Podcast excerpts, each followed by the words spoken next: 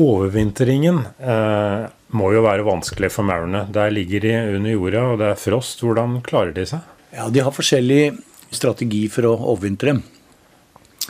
For det første så er det jo mange arter som prøver å overvintre hvor de får dempa kulden. En, En, lun, en lun plett? en lun plett, ja. Eller forhåpentligvis også nesten frostfritt. Ja. Eh, og det andre det er at noen arter kan øke glyserolinnholdet, altså frostvæske, i, eh, i kroppsvæska, sånn at ikke iskrystallene sprenger cellene. Og det er klart at dette har ganske mye å si, for det er stor forskjell på artene når det gjelder hvor mye kulde de tåler.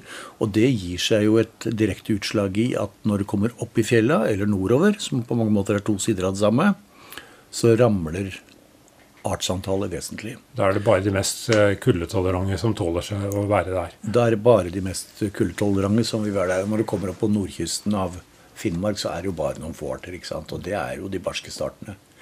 Men det kan også gi seg noen andre litt interessante utslag. Altså Det fins jo en eitemaur, en som heter Myrmica scabrinodis, som faktisk tåler å fryse inne i is. Og det er klart at da er jo hele, alle livsprosessene går jo på et minimum, eller kanskje nesten stopper opp.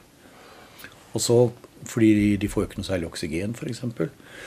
Og da, når isen smelter så, og temperaturen kommer opp igjen, så vil de kunne bevege seg igjen. Så det er, jo ganske tøffe krabater.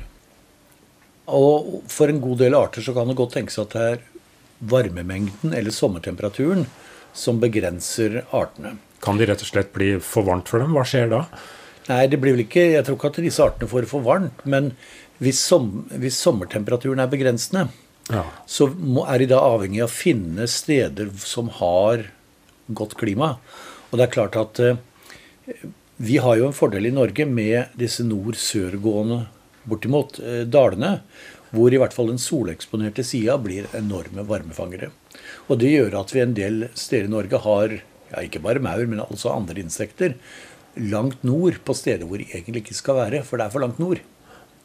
Så de blir reddet av terrenget, rett og slett? Rett og slett de får hjelp av dette her. Og det skiller oss f.eks. For, for en stor del fra la oss si, svenske forhold. Og til en viss grad også finske, som ikke har noe særlig topografi i forhold til oss. Ja, flatere og da Flatere. Ja.